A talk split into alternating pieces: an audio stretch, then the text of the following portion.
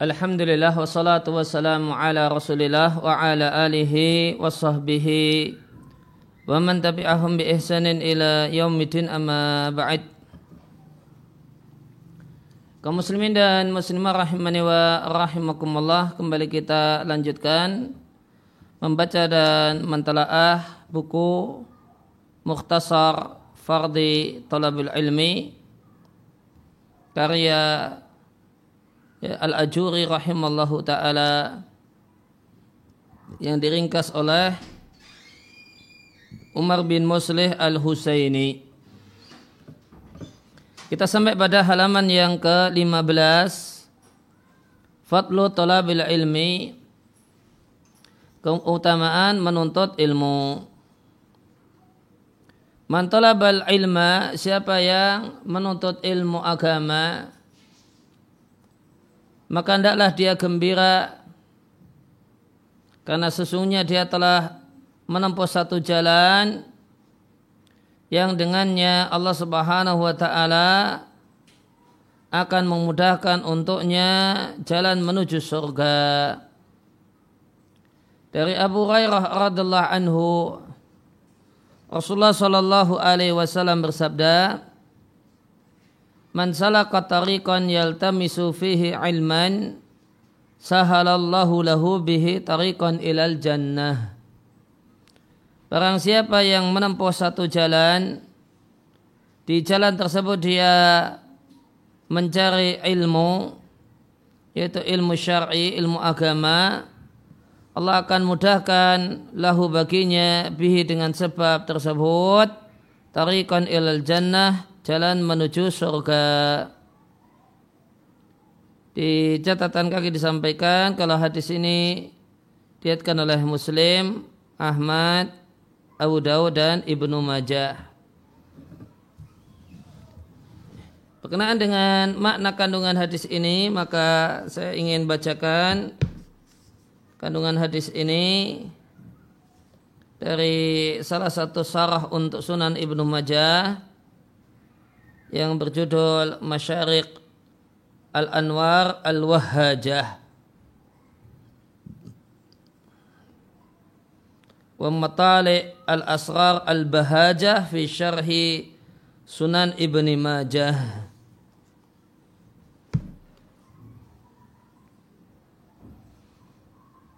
Maka ada uh, di mukaddimah Sunan Ibnu Majah Potongan hadis ini terletak di di dua hadis.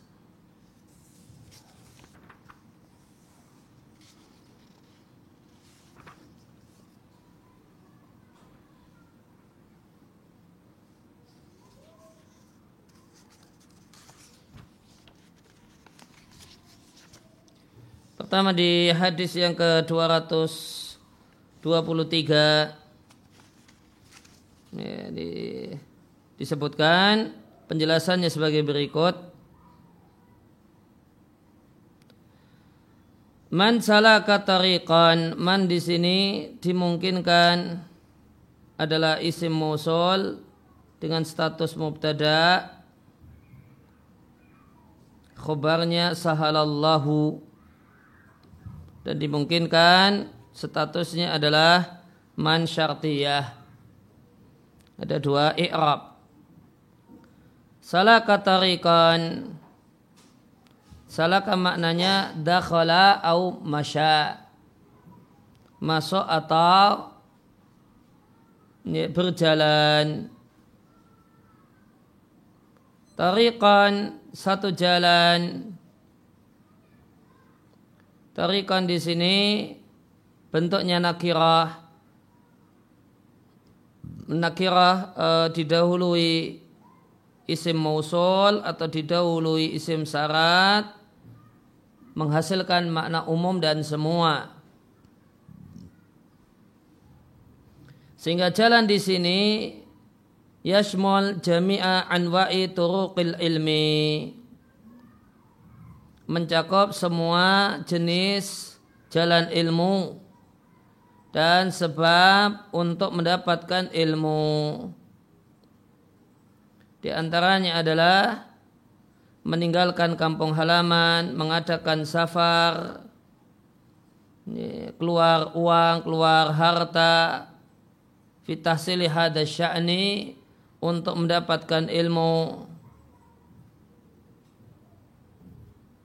Wal mujahadah fi kulli zamanin wa makanin dan ya bersungguh-sungguh di setiap zaman dan tempat bi sababin kana dengan sebab dan kiat apa pun.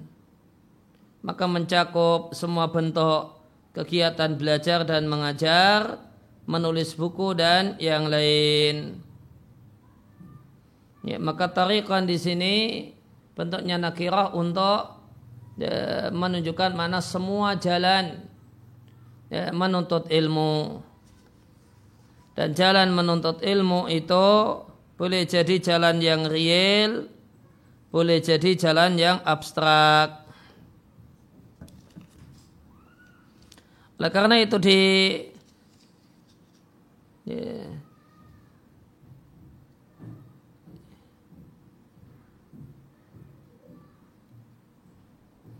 ya,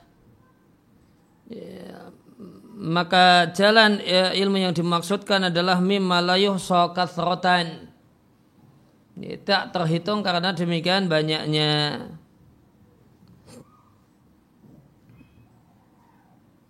Di kitab Al-Mir'ah disampaikan bahasanya ya, mansala katarikan di sini mencakup dua jenis jalan yang pertama hakikian hissian, jalan hakiki yang konkret. Itulah al-masyu bil aqdam, jalan kaki menuju majelisnya orang-orang yang berilmu. Ya, menempuh jalan beraspal, jalan berbatu, konblok untuk datang ke masjid. Ya, di situ ada majelis ilmu atau untuk datang ke rumah guru ngaji atau bahkan safar sampai ke luar negeri untuk menuntut ilmu atau safar ke lain daerah untuk mendengarkan ilmu. Maka ini jalan yang pertama yaitu jalan konkret.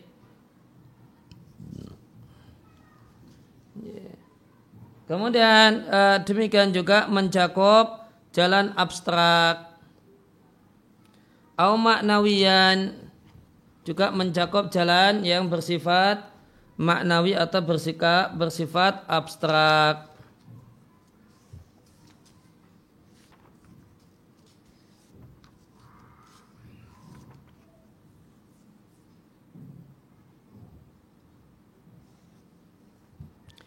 Jalan yang bersifat, uh, bersifat abstrak dicontohkan di sini. Mislu hifdil ilmi semisal kegiatan menghafal. Maka satu ayat diulang-ulang 20 kali atau lebih supaya hafal. Ini jalan abstrak untuk menuntut ilmu. Atau hadis dibaca berulang-ulang supaya hafal ya, atau kemudian matan ilmiah diulang-ulang berkali-kali sampai hafal maka perlu diketahui bahasanya orang yang melakukan kegiatan menghafal berulang-ulang ini dia sedang mengamalkan hadis Nabi ini. Man salaka tariqan yaltamisu fihi ilma. Demikian juga mudarasah ya, muda rosah wa mudakara mendiskusikan ilmu. Ya, artinya ya, duduk bersama kawan untuk saling mengingatkan ilmu. Kalau Al-Quran ya simak-simakan hafalan. Ya, kalau hadis ya gantian simak menyimak hadis yang dihafal atau gantian untuk saling menyimak uh, matan ilmu yang dihafal. Wa mutalaah mentelaah ya, baca sendiri ya, ya, berkenaan dengan ilmu bacaan ilmu bisa jadi ya, bentuknya adalah kitab berbahasa Arab atau buku berbahasa Indonesia atau baca artikel ilmu agama ya, atau baca buletin mengandung muatan ilmu membaca majalah yang bermuatan ilmu membaca artikel di web ya, il, uh, yang merupakan artikel ilmiah. Maka ini kegiatan uh, maka ini jalan abstrak dalam menuntut ilmu. Wa kitabatihi mencatat ya, ya, mencatat fawaid dalam pengajian yang diikuti ya, mencatat dalil dan kaedah-kaedah yang disampaikan oleh guru dalam pelajaran yang diikuti. Tafahum lahu kemudian demikian juga berupaya untuk memahami apa yang disampaikan dan apa yang dibaca. Ini boleh jadi bentuknya adalah dengan menyimak baik-baik dengan seksama supaya tidak terlewat kata demi kata yang disampaikan oleh guru atau membaca dengan seksama kata demi kata huruf demi huruf yang dibaca. Maka ini kegiatan abstrak untuk Uh, menuntut ilmu. Wa nahwi wa wa nahwi ma'nawiyah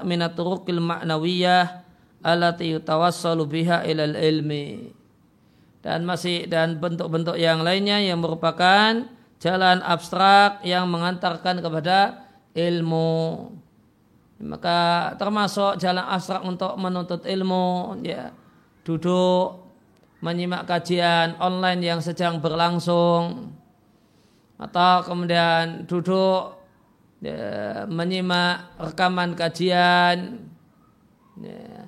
maka ini adalah bagian dari ya, menempuh jalan untuk mendapatkan ilmu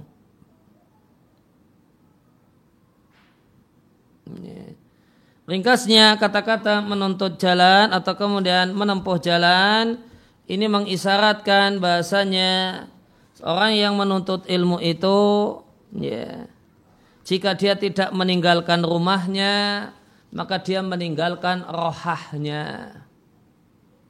Ya. Jika tidak meninggalkan rumahnya, maka dia meninggalkan rohahnya. Maka jalan uh, jalan abstrak, jalan konkret. Dalam menuntut ilmu, dia tinggalkan rumahnya, dia tinggalkan keluarganya, jika jalan itu adalah jalan abstrak, maka dia tinggalkan rohahnya, santai-santainya. Dia tinggalkan santai-santai, dia tinggalkan teman-teman yang ngajak santai-santai, dia duduk mojok untuk membaca, untuk mencatat, untuk meringkas, untuk menghafal. Ya, maka ini orang yang Ya, menuntut ilmu. Maka tidak ada orang yang menuntut ilmu dalam keadaan tanpa meninggalkan salah satu dari dua hal ini. Meninggalkan keluarga dan rumahnya atau minimal dia tinggalkan rohahnya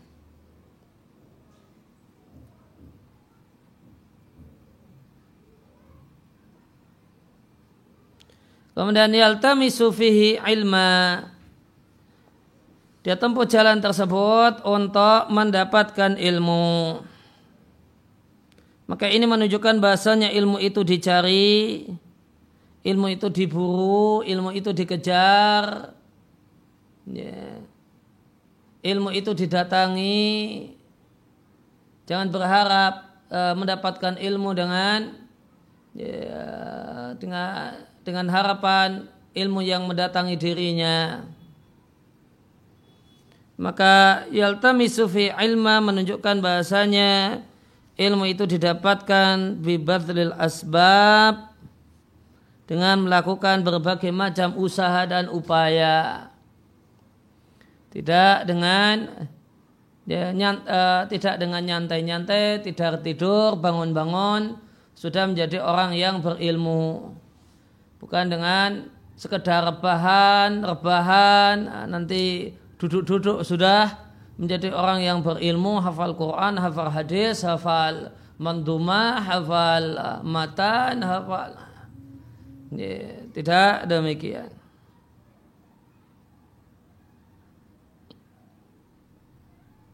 Yaltamisu di sini wawahalun au sifatun statusnya i'rabnya bisa jadi hal dan bisa jadi status i'rabnya adalah sifat dari jalan.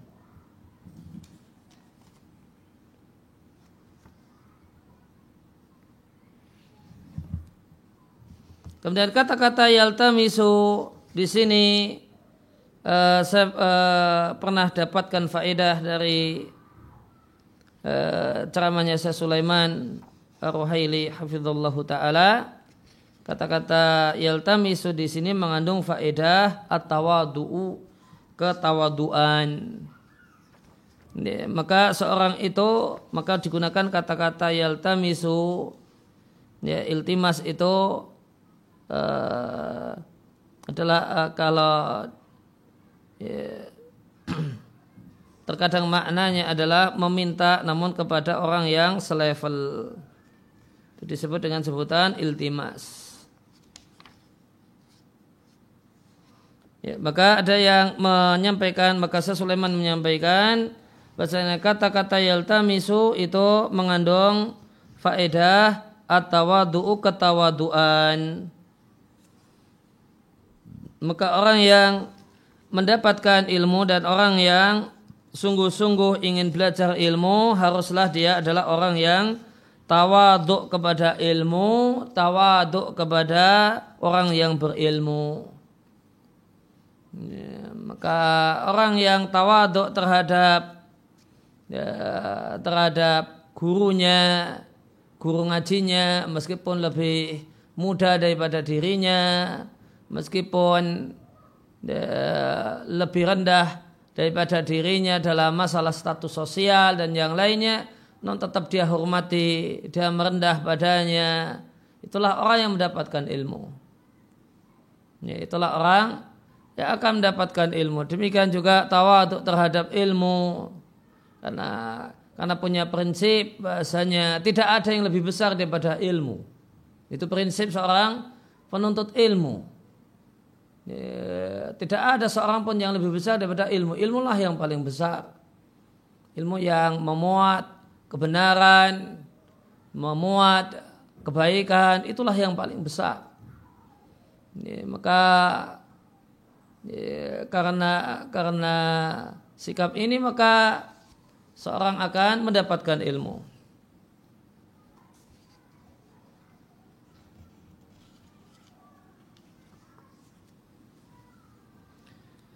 Yaltamisu fihi, fihi artinya yaitu fidzalika tariq di jalan tersebut au fidzalika suluk atau dalam ya, kegiatan menempuh tadi.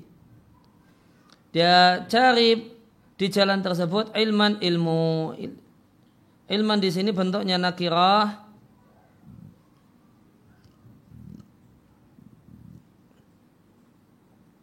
Kata atibi untuk uh, mencakup semua ilmu agama. Liyashmul ayya ilmin kana min ulumuddini. Semua bentuk ilmu agama qalilan kana au kathiran. Baik ilmu yang didapatkan itu sedikit ataupun banyak. Rafi'an au ghaira rafi'in. Baik ilmu tersebut adalah ilmu yang tinggi ataukah bukan ilmu yang tinggi semuanya. Yeah. Maka mencakup ilmu di sini belajar ya ikra, ya belajar Al-Quran ya, dengan metode ikra atau ummi atau kiroati atau yang lainnya. Maka belajar membaca abatasa ini masuk dalam masalah dalam hal ini. Ya, karena mencakup semua ilmu agama. Maka sahalallahu lahu tariqan ilal jannah.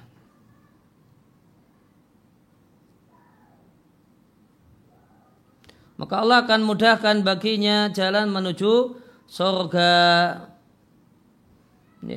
Allah mudahkan baginya jalan menuju surga ini uh, mencakup tiga pengertian.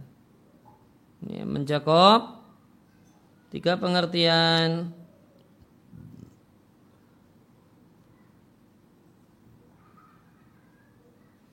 Yang pertama,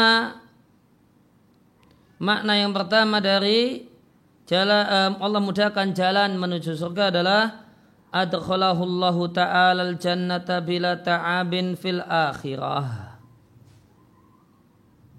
Allah Subhanahu wa taala akan mudahkan baginya masuk surga tanpa susah payah, tanpa capek dan derita di akhirat nanti.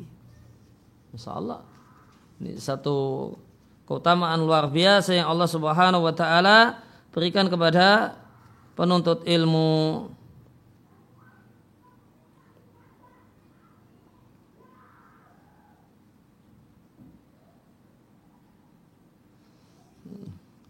Atau dengan kata lain, makna yang pertama ini bisa dibahasakan dengan bahasa yang lain. Yusahilullahu lau tariqal jannati al-hissi.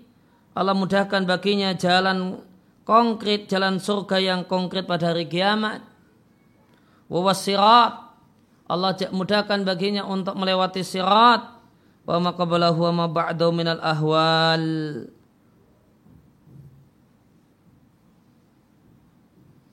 dan sebelum sirat dan setelah sirat berbagai macam kengerian pada hari kiamat itu akan Allah permudah khusus untuk orang yang ya, punya niat yang benar dan sungguh-sungguh untuk menuntut ilmu.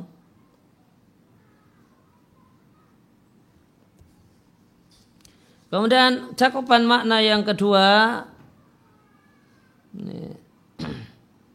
Allah mudahkan jalan ya, surga baginya, jalan menuju surga bagi ini ya. Makna yang kedua adalah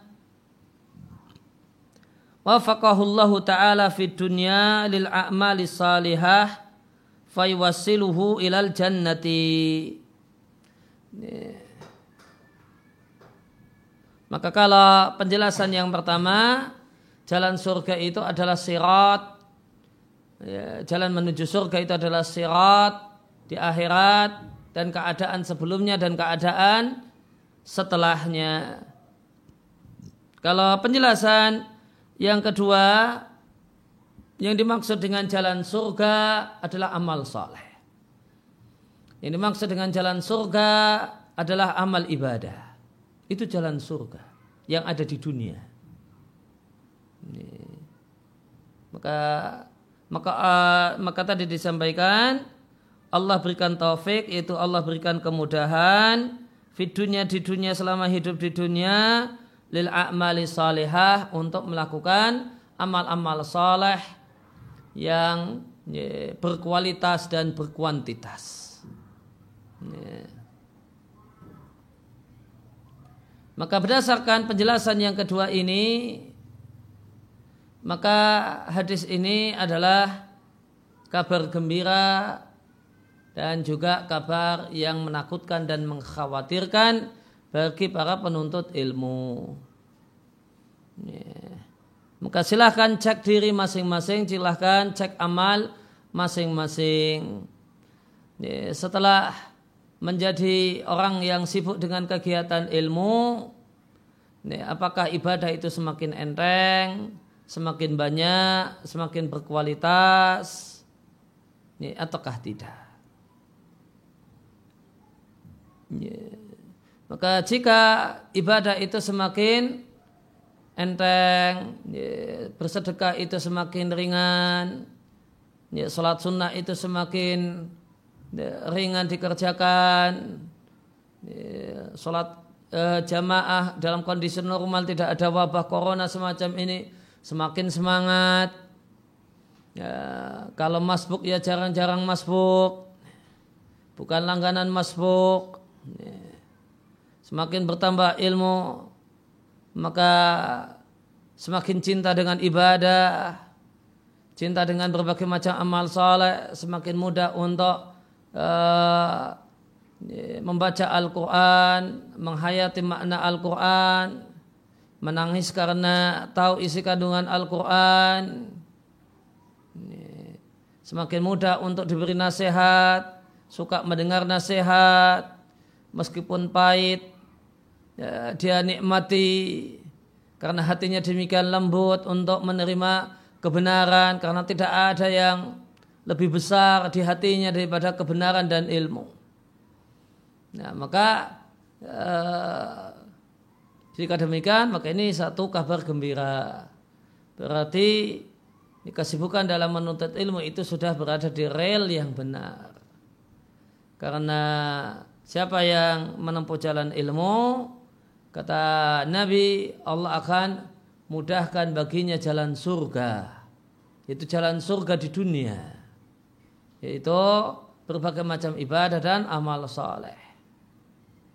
Dan sebaliknya setelah dicek kok ternyata kondisinya memprihatinkan Semakin berilmu semakin keras hatinya, semakin pedas lisannya, semakin sombong orangnya, semakin mudah untuk mencaci maki.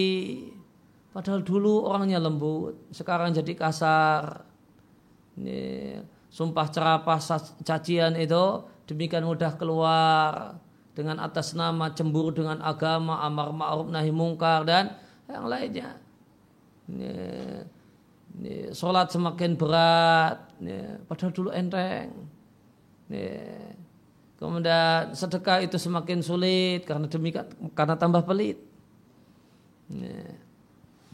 Ya, hati itu tidak lembut ketika dinasehati. Ya, hati tidak lembut di, dinasehati. Kalau dulu sering nangis kalau terima nasihat, sekarang melotot-melotot kalau ada orang yang ngasih nasihat. Keadaannya sebaliknya. Maka ini kabar yang ya, yang mengkhawatirkan dan menakutkan.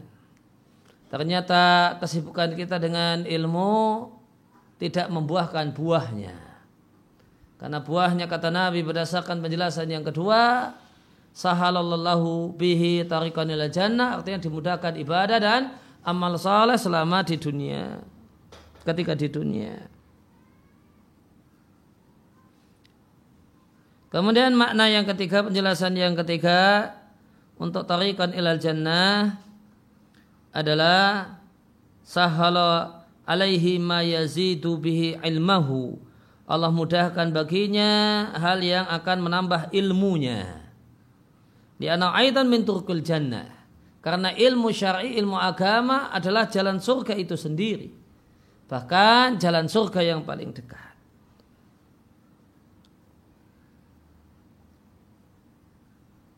Ya, maka penjelasan yang ketiga menyampaikan bahasanya yang dimaksud dengan jalan menuju surga adalah ilmu agama itu sendiri. Maka siapa yang menempuh jalan uh, sehingga maknanya siapa yang menempuh jalan untuk menuntut ilmu agama, Allah akan mudahkan baginya. Ya, faham ilmu agama. Ya, Allah akan mudahkan baginya ilmu. Karena dia orang yang sungguh-sungguh ya, menuntut ilmu. Maka Allah mudahkan baginya ilmu dan Allah tambahkan untuknya ilmu. Semakin hari ya, tambah berkembang ilmunya, tambah banyak ilmunya. Karena ilmu itu adalah jalan surga.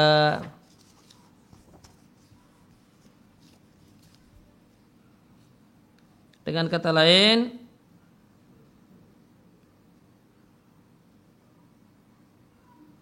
Qad yusarullahu li talibil ilmi uluman ukhra yantafi'u biha wa takunu musilatan ilal jannati. Allah akan mudahkan bagi penuntut ilmu berbagai macam ilmu-ilmu yang lain yang bermanfaat bagi dirinya yang ini mengantarkannya menuju surga Allah Subhanahu wa taala.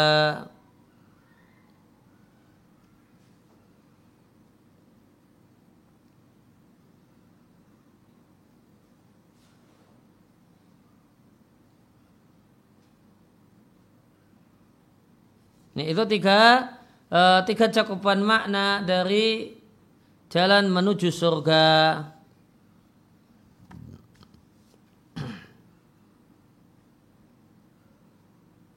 Nah, kemudian kembali ke buku Mukhtasar Fardi Tolabil Ilmi.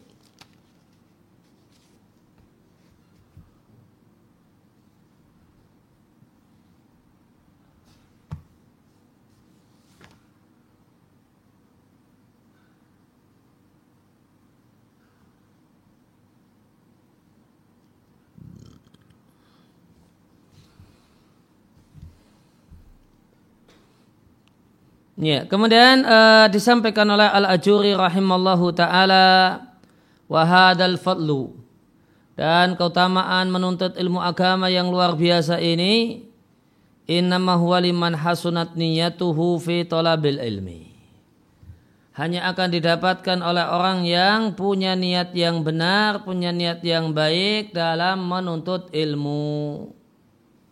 Dan tidak akan didapatkan oleh orang yang niatnya rusak. Nah, manfaat berupa dimudahkan ilmu atau dimudahkan untuk memahami berbagai macam ilmu, dimudahkan untuk ibadah dan amal saleh. Dan dimudahkan untuk meniti sirat di akhirat nanti, ini semua bagi orang yang menuntut ilmu dengan niat yang benar. Ya. Nah, karena itu di uh, maka Sulaiman ya, Ar-Ruhaili hafizallahu taala di bukunya Al-Ilmu wa Wasailuhu wa thimaruhu mengatakan Walidha yakulu ba'du ma syayikhina Idza arata an ta'rifa sya'naka fil ikhlasi fil ilmi fangdur ila sya'nika fil ibadati faman kana mukhlisan fi talabil ilmi yassarallahu lahu turuqal jannati wa min turukul wa min turukil jannati al ibadatu maka uh, maka sebagian guru-guru kami mengatakan jika engkau ingin mengetahui apakah engkau adalah orang yang ikhlas dalam menuntut ilmu ataukah tidak.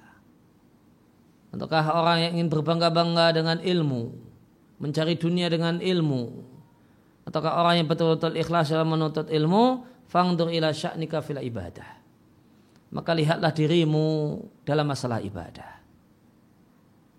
Maka siapa yang ikhlas dalam menuntut ilmu, Allah akan mudahkan baginya jalan-jalan surga dan di antara jalan-jalan surga adalah ibadah itu sendiri. Maka manfaat dimudahkan untuk ibadah, dientengkan untuk beribadah, itu adalah indikator ikhlas dalam menuntut ilmu. Ini, maka kata kuncinya adalah ikhlas. Siapa yang pasang niat yang benar dalam menuntut ilmu, maka ilmu itu akan membawa perubahan ke arah positif pada dirinya. Makin lama makin merunduk, makin tawadu, makin tahu diri, makin lembut, ya, makin berakhlak, makin beradab. Nah itu itu buah dari menuntut ilmu yang ikhlas. Kalau hati semakin keras, lisan semakin pedas, ngomong semakin ngotot, ini di antara indikator ada yang bermasalah dalam niat. Kembali ke ke buku. Al-Ajuri rahimahullah ta'ala mengatakan fa kil wa ma husnul niyati fihi. Jika ada yang bertanya apa itu niat yang baik dalam menuntut ilmu? Kila maka jawabannya. Jadi kalau berkenaan dengan uh, ilmu terjemah, kila itu jangan selalu diterjemahkan dikatakan gitu ya. Ini, kila itu jangan ya, apa-apa kila dikatakan, bolak-balik kila dikatakan. Ya, pusing orang yang baca dan mendengarkannya gitu. Ya, maka ya, ini, ini saya contohkan dalam uh, untuk menerjemahkan dua kila di sini. Fa in kila maka jika ada yang bertanya apa itu niat yang benar dalam menuntut ilmu? Kila jawabannya, kila itu jawabannya, kila yang kedua jawabannya. Kalau kemudian dikesankan, kalau diterjemahkan dikatakan itu ada kesan yang jawab adalah orang lain, bukan penulis, bukan al-ajuri. Padahal kila di sini jawaban dari al-ajuri. Ini kila di sini man kharaja ini ini ini dari al-ajuri. Bukan dari orang lain. Kalau diterjemahkan dikatakan kila dikatakan ah kesannya itu jawaban orang lain dikutip oleh Al-Ajuri. Padahal itu adalah jawaban Al-Ajuri itu sendiri. Sehingga kila jawabannya siapa yang berangkat lihat liyata'allama minal ilmi untuk mempelajari ilmu yang fibihi anhu al jahla untuk menghilangkan kebodohan dirinya. Kebodohan tentang bimalillahi alaihi tentang kewajibannya kepada Allah. Min haqqa ibadatihi berupa kewajiban untuk beribadah kepada Allah. Sehingga dia menyembah Allah zat yang mulia dengan ilmu.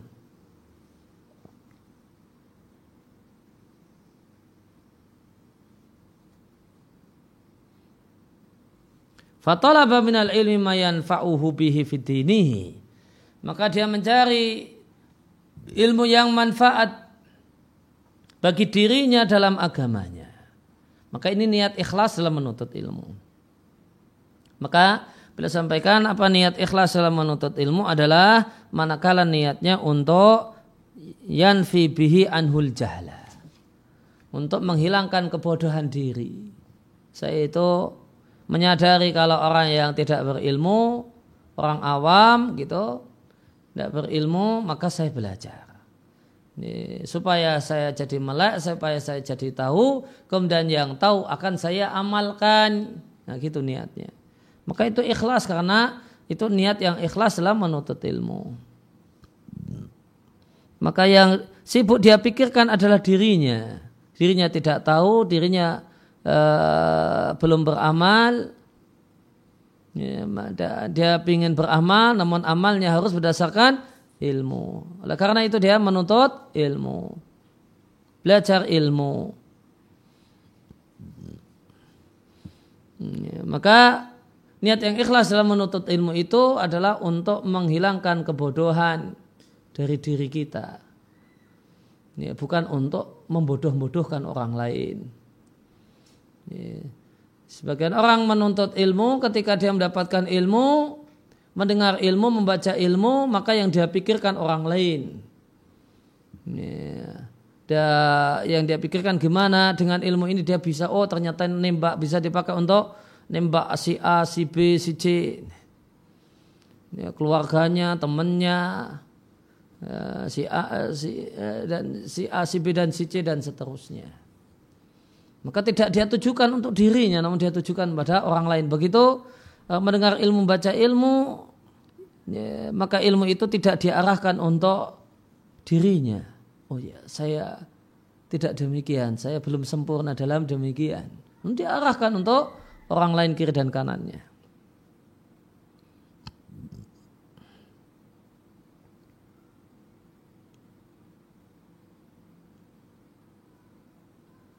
Ini kemudian beliau katakan dan setiap kali warada alihi amron dia mendapatkan satu perkara min amri dunia wal akhirah perkara dunia dan akhirat mimma ashkal alaihi yang membingungkannya.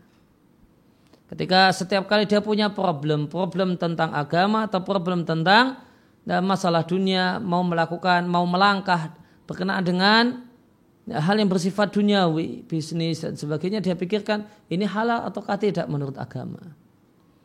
Qad ashkala ilai dan itu dia membingungkannya. Yuridu salamata minhu dan dia ingin selamat darinya. Maka ketika dia punya masalah ternyata dia tidak punya ilmu tentangnya. Walam yakun ingdahu fihi ilmu dan dia tidak punya ilmu tentangnya. Yas'a ilal ulama'i. Maka dia akan bersegera pergi kepada orang yang berilmu. Orang yang punya ilmu tentang masalah tersebut untuk belajar ilmu tersebut lillahi karena Allah Azza wa Jalla. Ya telubu bidzalika dia cari dengan kegiatan belajar dan bertanya ini yang dia cari salamata dinihi. Selamatnya agamanya dari dosa.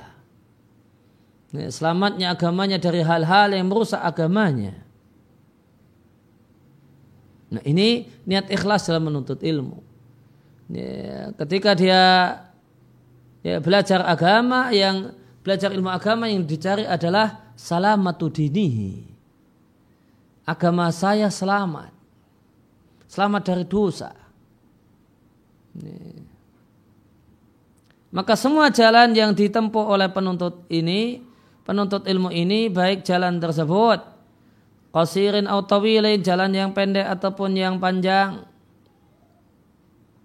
maka itu semua termasuk dalam makna madhukira apa yang telah disebutkan. Ya, minal fadli berupa keutamaan bagi para penuntut ilmu. Ya, dan siapa yang niatnya benar semacam ini ya, niat untuk uh, memperbaiki diri ah, itu bahasa uh, terjemah bebas untuk selamatnya agama memperbaiki diri ya. Ya, maka belajar ilmu agama untuk menghilangkan kebodohan dari dirinya. Belajar ilmu agama untuk supaya selamat agamanya. Selamat agamanya itu agak nggak enak juga dalam bahasa Indonesia. Gitu ya. Ya, selamat agamanya. Ya, itu uh, ya terjemah bebasnya untuk memperbaiki diri. Maka siapa yang belajar agama dengan niat semacam ini, niat yang ikhlas semacam ini, buahnya adalah wa u'ina alaihi insyaallah dia akan dibantu untuk itu insyaallah taala. Sebagaimana tadi salah satu makna dari sahalallahu lahu bi tariqan ila jannah Allah mudahkan baginya ilmu Allah akan bukakan baginya berbagai macam ilmu maka Allah akan jadikan dia orang yang mudah untuk faham ilmu karena niatnya niat yang benar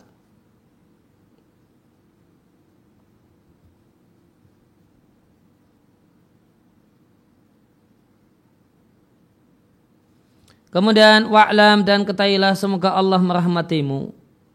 Anna min tulabil ilmi unazan. Bahasanya di antara para penuntut ilmu orang yang ingin serius belajar ilmu agama terdapat sejumlah orang lahum ukulun muayyadah.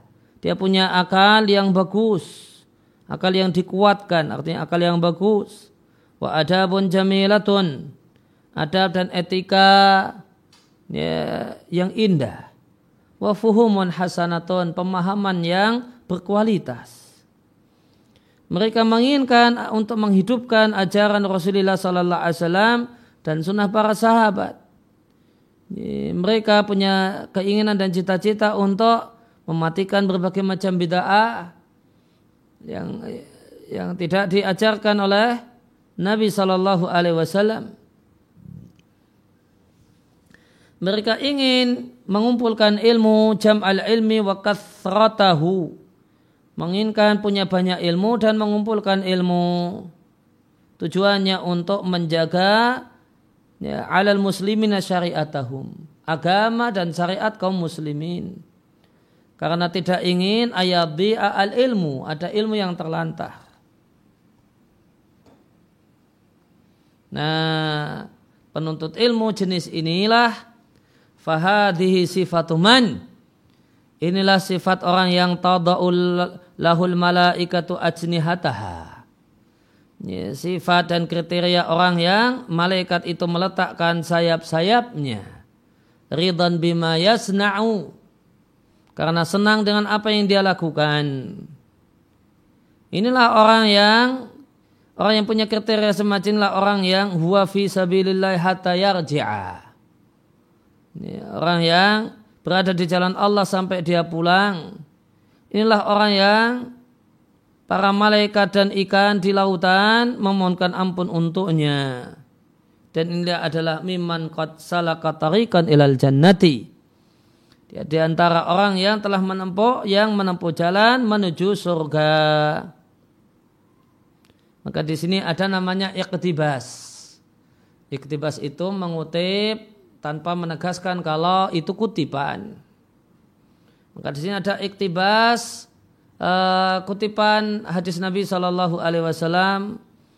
Ya, bahasanya malaikat itu meletakkan sayapnya untuk penuntut ilmu dan bahasanya malaikat dan uh, ini ada kutipan hadis bahasanya malaikat dan ikan itu memohonkan ampunan untuk para penuntut ilmu.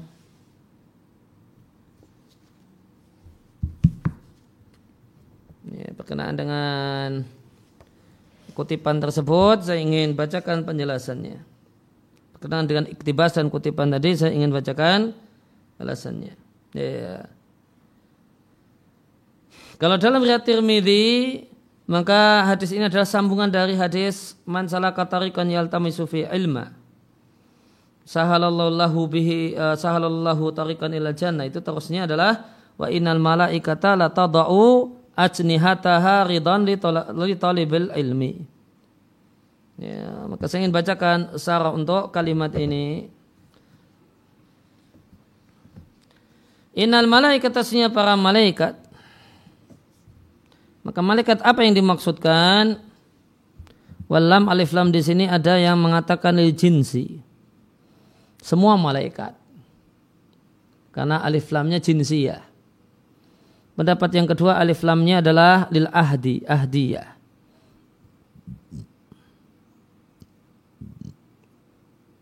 Yaitu malaikat tertentu.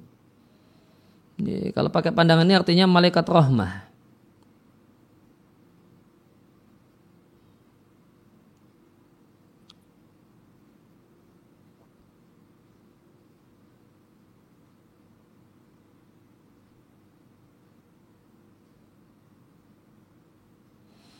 Ya, meletakkan sayap-sayapnya.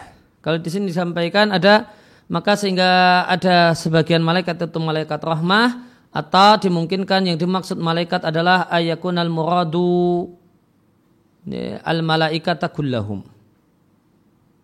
Ya, semua malaikat. Dan kemungkinan makna yang kedua itulah yang ansab bil makna al majazi. Yang lebih cocok untuk makna majazi untuk kalimat la tadau ajnihataha meletakkan sayapnya. Ajnihah jamak dari janah dan sayap di sini mahmulun alal hakikati. Meletakkan sayap di sini bisa maknanya hakiki. Meskipun tidak bisa dilihat meletakkan tersebut. Sehingga maknanya adalah dihamparkan di tanah supaya menjadi eh, hamparan ketika penuntut ilmu berjalan di atasnya atau meletakkan sayap di sini artinya menahan diri untuk tidak terbang karena para malaikat ini turun di majelis-majelis ilmu untuk ikut mendengar ilmu.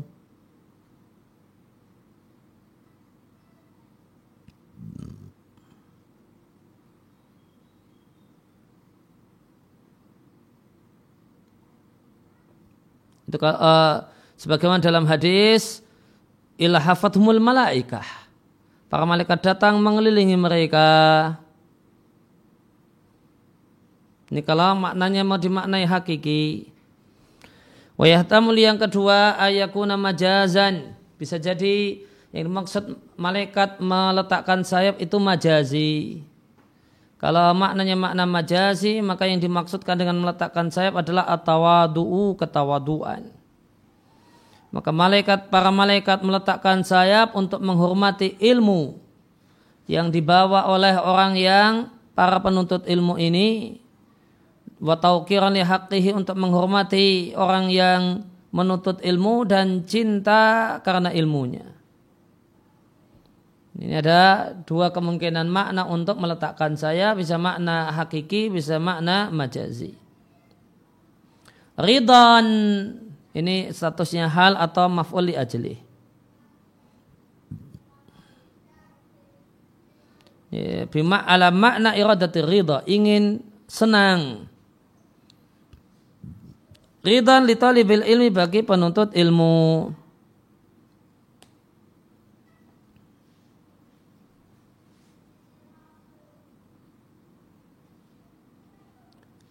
Kemudian lanjutannya hadis adalah istighfar uh, berbagai macam makhluk untuk penuntut ilmu.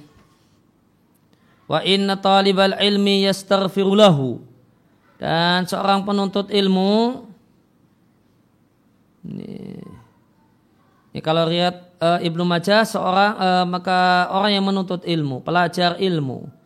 Kalau dalam riwayat Abu Dawud dan Tirmidzi inal alima orang yang berilmu guru ngajinya. Ini, kalau ini penuntut ilmunya. Yastaghfirullahu didoakan agar mendapatkan ampunan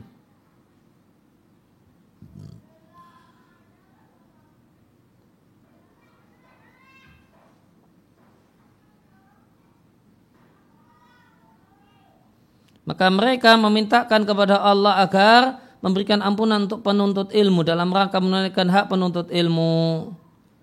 Kenapa demikian? Wadali kali umumi naf'il ilmi. Karena demikian luasnya manfaat ilmu agama. Fa innahu masalah kulli syai' wa mana fa inna masaliha kulli syai' wa manafi'ahu manutun bihi. Karena maslahat segala sesuatu dan manfaat segala sesuatu itu tergantung dengan ilmu agama.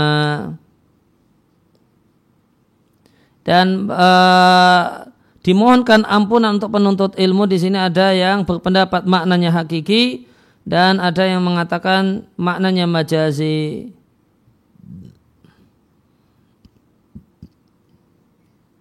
Yang tepat kata pensarah Sunan Ibnu Majah yang saya bacakan ya saat ini yang benar adalah yang pertama itu makna hakiki karena tidak ada faktor pendorong untuk memaknainya dengan makna majazi dan permohonan ampun ya, dari makhluk yang tidak berakal satu hal yang tidak mustahil.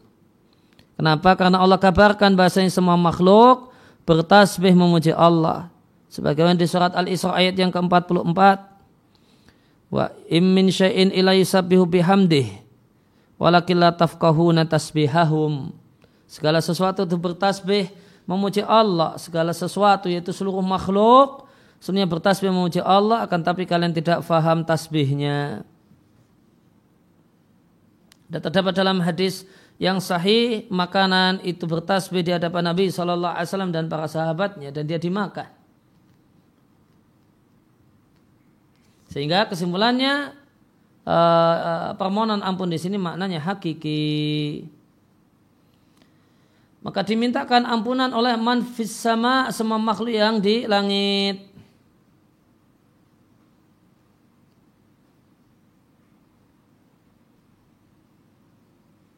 Wal ardi dan di bumi.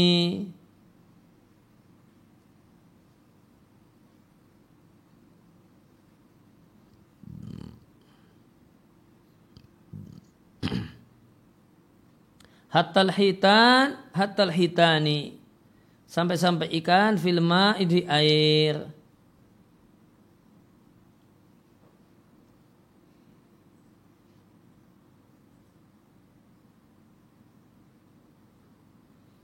Ya. Kemudian yurada bil hitan jami' dawabil bahar. Yang dimaksud dengan ikan di sini ternyata di sini bukan ikan, Mak. Bukan ikan dalam bahasa Indonesia.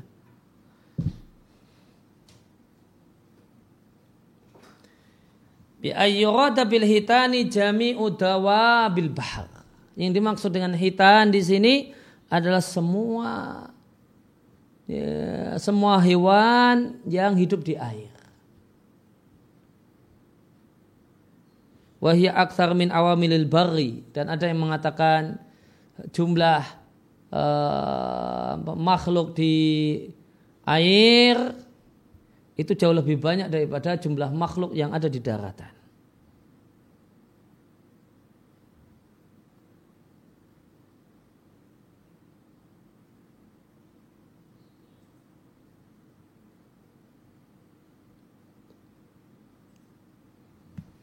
Ya, maka didoakan oleh ya, maka orang yang menuntut ilmu atau orang yang menyebarkan agama didoakan oleh semua ya, semua makhluk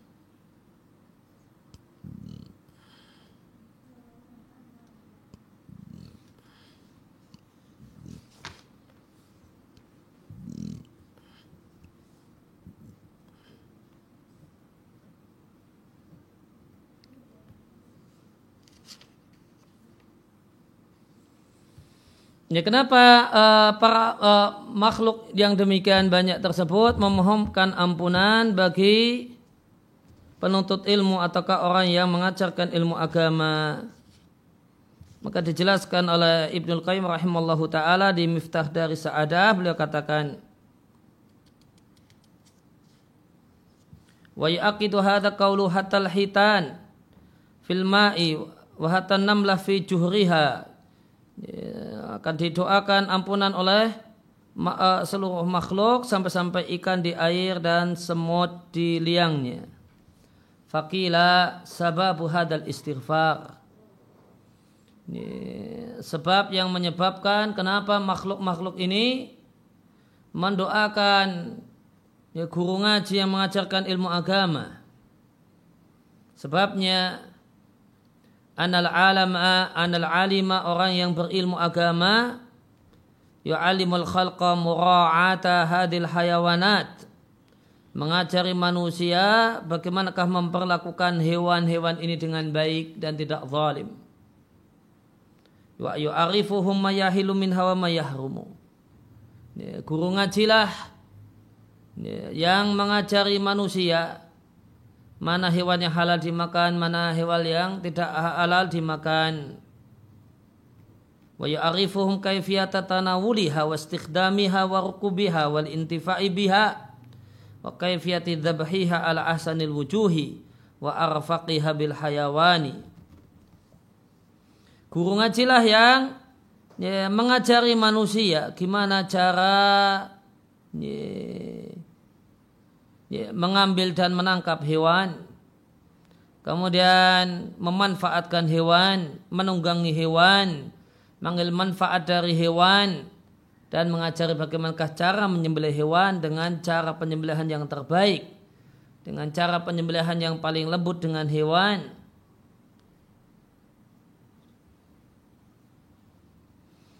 Maka alim itu asfakun nas alal hayawan. Maka orang yang berilmu agama itu adalah orang yang paling lembut, manusia yang paling lembut dengan hewan.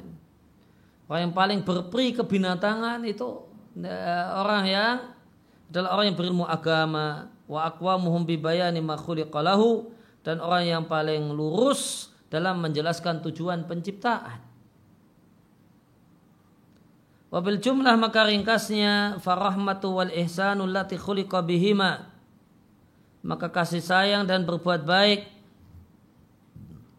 yang hewan itu diciptakan dengannya dan untuk keduanya. Wa kutiba lahuma hadzuhuma inama yu'rafu bil ilmi. Maka kasih sayang dengan hewan berbuat baik dengan hewan itu diketahui dengan ilmu. Dan guru ngajilah orang yang berilmu agama lah yang mengajarkan hal itu. Maka sehingga guru ngaji ini berhak untuk didoakan ampunan oleh hewan-hewan tersebut Ringkasnya di antara sebab eh, kenapa eh, hewan-hewan ini mendoakan ampunan dan mendoakan orang yang berilmu maka tadi dari perkataan Ibnul Qayyim adalah karena eh, ilmu agama itulah yang mengajari manusia gimana memperlakukan hewan dengan baik. Orang yang tidak tahu agama itu memperlakukan hewan dengan kasar, kejam, dengan ya, zalim gitu maka hewan-hewan itu menderita dengan orang-orang yang bodoh dengan ilmu agama. Non hewan-hewan itu nyaman ya dengan orang-orang yang tahu ilmu agama. Yang mereka ini tahu ilmu agama karena diajar oleh al-alim, diajar oleh guru ngaji. Maka mereka berterima kasih dengan guru ngaji ini dengan mendoakan uh, ampunan untuknya. Yeah. Ya, kemudian kita lanjutkan. Wahadat dorbu minan nasi.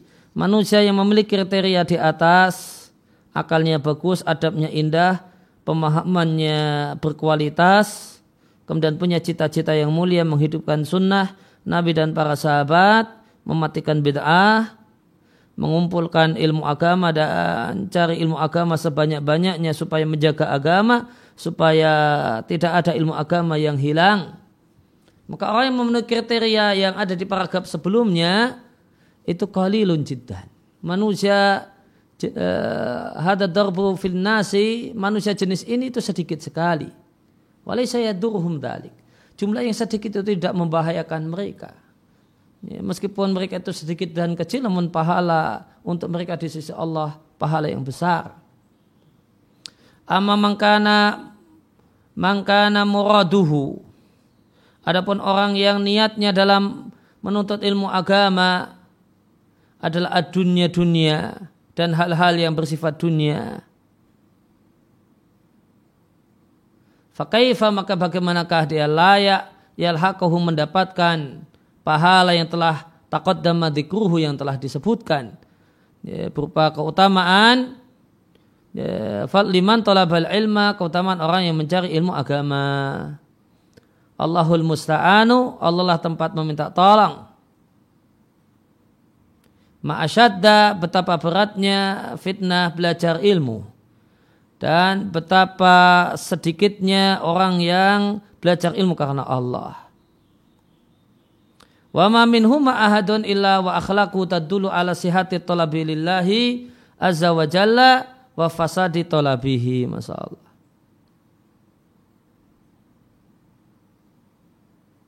Wa ma minhum ahadun dan tidak ada satupun kecuali akhlaknya, kecuali akhlaknya, kecuali akhlaknya itu menunjukkan benar ataukah rusak niatnya dalam menuntut, dalam belajar ilmu agama.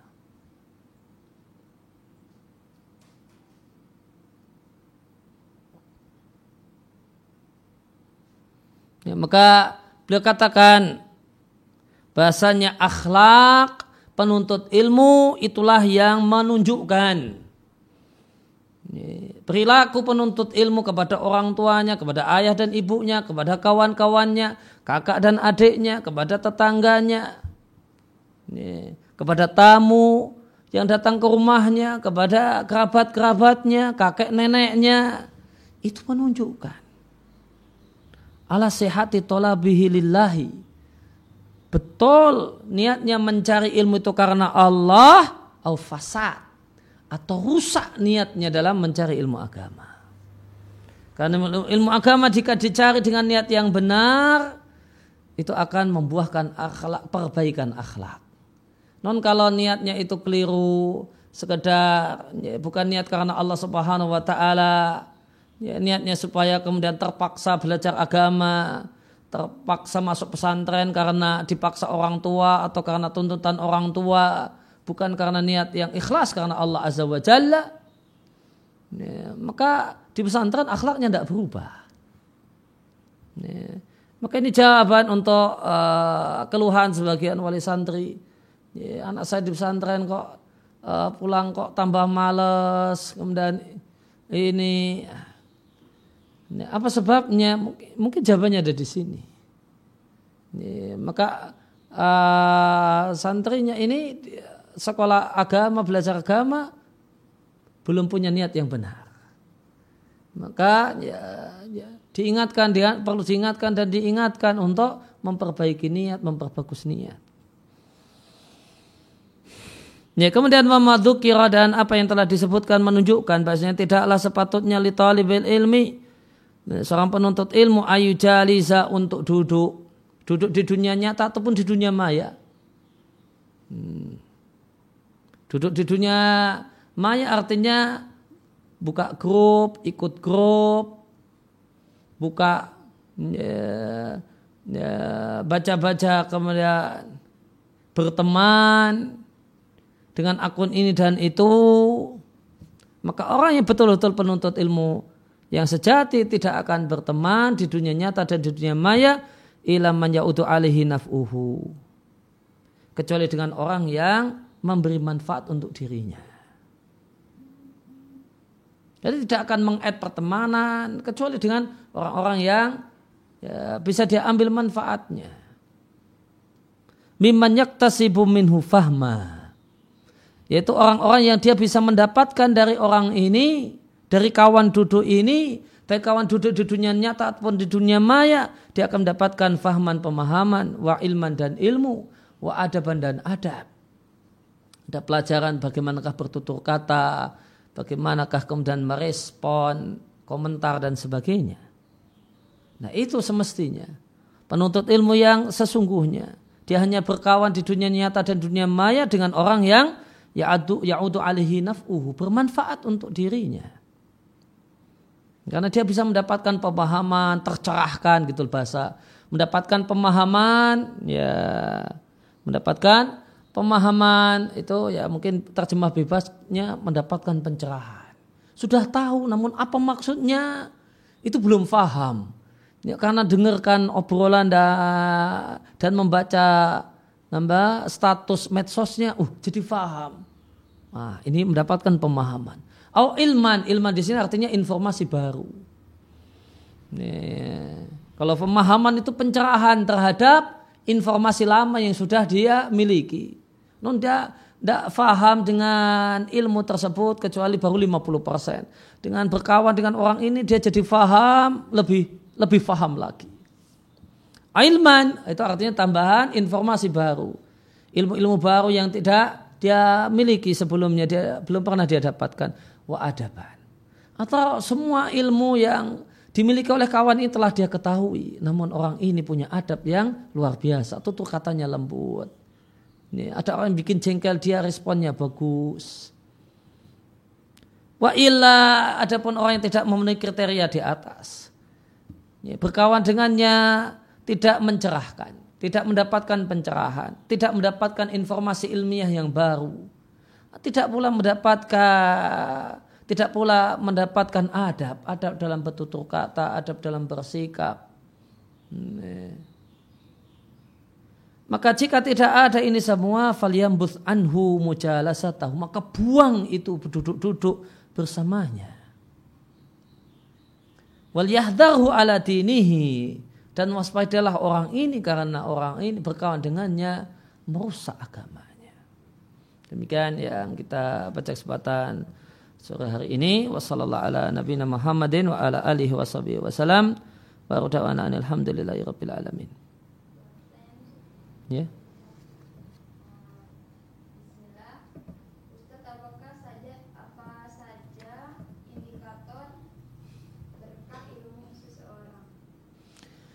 Ya, apa indikator berkah ilmu seseorang? Indikatornya adalah uh, mudah paham, ya, mudah hafal, ya,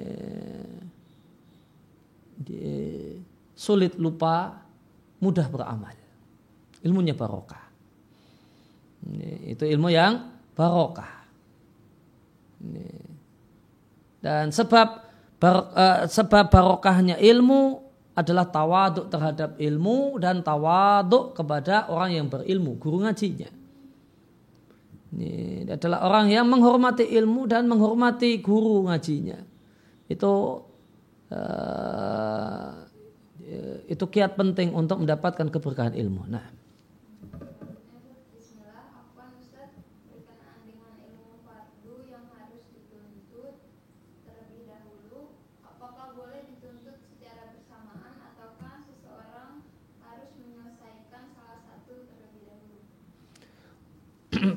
Menuntaskan ilmu yang fardu ain itu harus satu-satu ataukah bisa bareng? Ya, tergantung kondisi uh, lingkungan dan sebagainya. Bisa jadi bareng-bareng hari uh, ya, misalnya di hari Senin dia ikuti pelajaran akidah. Nanti hari Selasa dia ikut pelajaran fikih dasar fikih ibadah. Hari Rabu ikut kajian fikih muamalah dasar. Hari Kamis ada pelajaran ya, ikut pelajaran dan kajian adab dan akhlak. Hari Jumat ikut pelajaran ya, dosa-dosa besar, ya, al-kabair, al-muharramat. Hari Ahad dia ikut tahsin Al-Quran. Nah misalnya, bisa saja demikian. Ya, karena banyak pilihan di daerahnya, maka dia ambil semua tinggal hari yang beda-beda. Ya, semua ilmu fardu ain dia pelajari di satu pekan yang sama dengan eh, ganti-ganti hari. Ya, bisa juga kemudian satu-satu. Ya, tergantung kondisinya, tergantung sikonnya, gimana keadaannya. Nah. Ya, subhanaka Allahumma wa bihamdika asyhadu an la ilaha illa anta astaghfiruka wa atubu ilaik.